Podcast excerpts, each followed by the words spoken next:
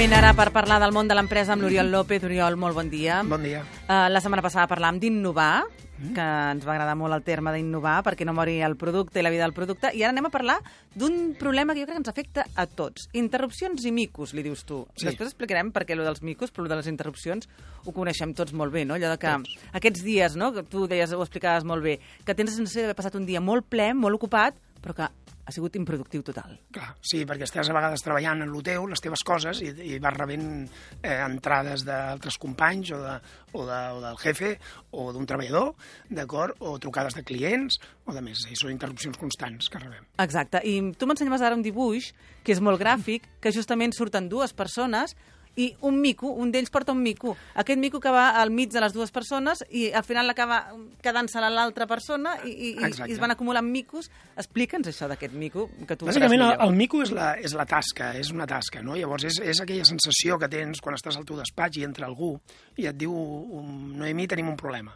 No? Llavors, en el moment que tenim un problema, el problema és el mico, eh, moltes vegades, en el moment d'acceptar aquell problema, com a comú, el mico passa a tenir una pota a la teva esquena i una altra pota a la meva. El compartim. El compartim, ja el problema està compartit.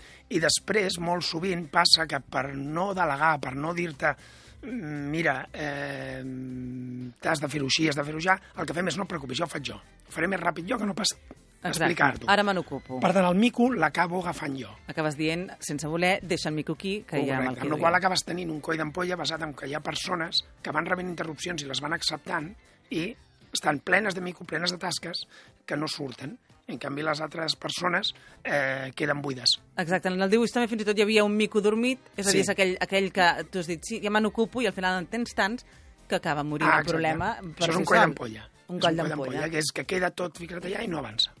I d'altra banda, hi ha la persona que ha anat deixant micos en el... Que a- queda tocava, alliberada. Que queda alliberada i que al final es pot fer les ungles o jugar al Sí, el solitari. que passa que en realitat la, el, el missatge que li estàs donant a aquella persona és que no val.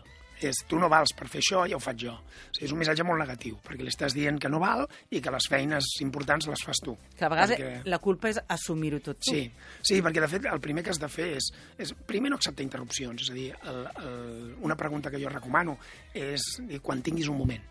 Escolta, Noemi, quan tinguis un moment m'agradaria parlar amb tu. D'aquesta manera ets tu qui tens eh, la persona interrompuda, qui tens el poder de dir ara acabo el paper que estic fent, acabo la feina que estic fent i després vinc, d'acord? I el, quan tinguis un moment, jo recordo un client meu, eh, un dissenyador gràfic, el que va fer va ser assignar colors a cada persona i el que feien era, en lloc de dir quan tinguis un moment, tenien unes banderetes de colors, Noemí, tu eres la vermella, jo la blava i el del costat tenia el groc, i si jo volia cridar-te tu, penjava la bandereta de color del teu color, del color vermell, a la pantalla de l'ordinador. D'aquesta manera tu sabies que eh, volia parlar amb tu, d'acord? Sense necessitat que t'interrompés. Exacte, i tu miraves l'ordinador i anaves veient que s'anava acumulant. Exacte. Els colors se t'anaven Els colors. acumulant. Però bé, necessito anar molts llocs. Però això també ho deies tu, que s'ha de saber eh, donar responsabilitat als altres Clar. i confiar en els altres. De- és una gran, un- una gran qüestió aquesta també. El gestionar micos és sobretot saber delegar, també. Saber delegar. Perquè, perquè gran part de les interrupcions que passen en una empresa són interrupcions degudes a que l'altra persona no, no en sap o no se sent segura a l'hora de fer una feina. Per això te la pregunta. D'acord? Llavors, aquestes interrupcions que són degudes a aquest problema, el que s'han de fer és marcar bé les normes, el problema no és comú, és teu o meu, per tant, hem d'assignar-lo bé, i després deixar que la persona que és propietària del problema el resolgui amb el teu ajut, amb el teu consell, amb la teva supervisió, però que el resolgui ella. El que passa és que moltes vegades aqu- aquesta confiança s'ha de guanyar també. Sí, s'ha de guanyar, però no, no l'aconseguiràs guanyar si no el deixes, si no el deixes treballar. I fins i tot que s'equivoqui alguna vegada, no? Has de, deixar que has de permetre que s'equivoqui i has de posar sistemes de control que poden ser anteriors, abans de que passi un problema cap al client, o poden ser posteriors si ja confies tant amb, el, amb, el, amb aquella persona que creus que en general no s'equivocarà. Sistemes de control són una mica... Una mica Control és des- bàsicament, que, mira, Noemi, has de fer aquest got i me l'has de portar abans d'entregar-lo al client, deixa'me'l veure a mi. Clar.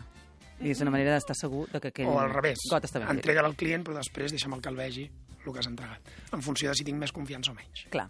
I arribar al punt aquest de que no calgui que els micos se'ns acumulin, que No. és el gran error. Clar, que els micos estiguin on han d'estar, cadascú a la, a la persona que li correspon fer aquella feina. Doncs intentarem saber controlar aquests micos i que no ens Exacte. invaeixin el nostre espai.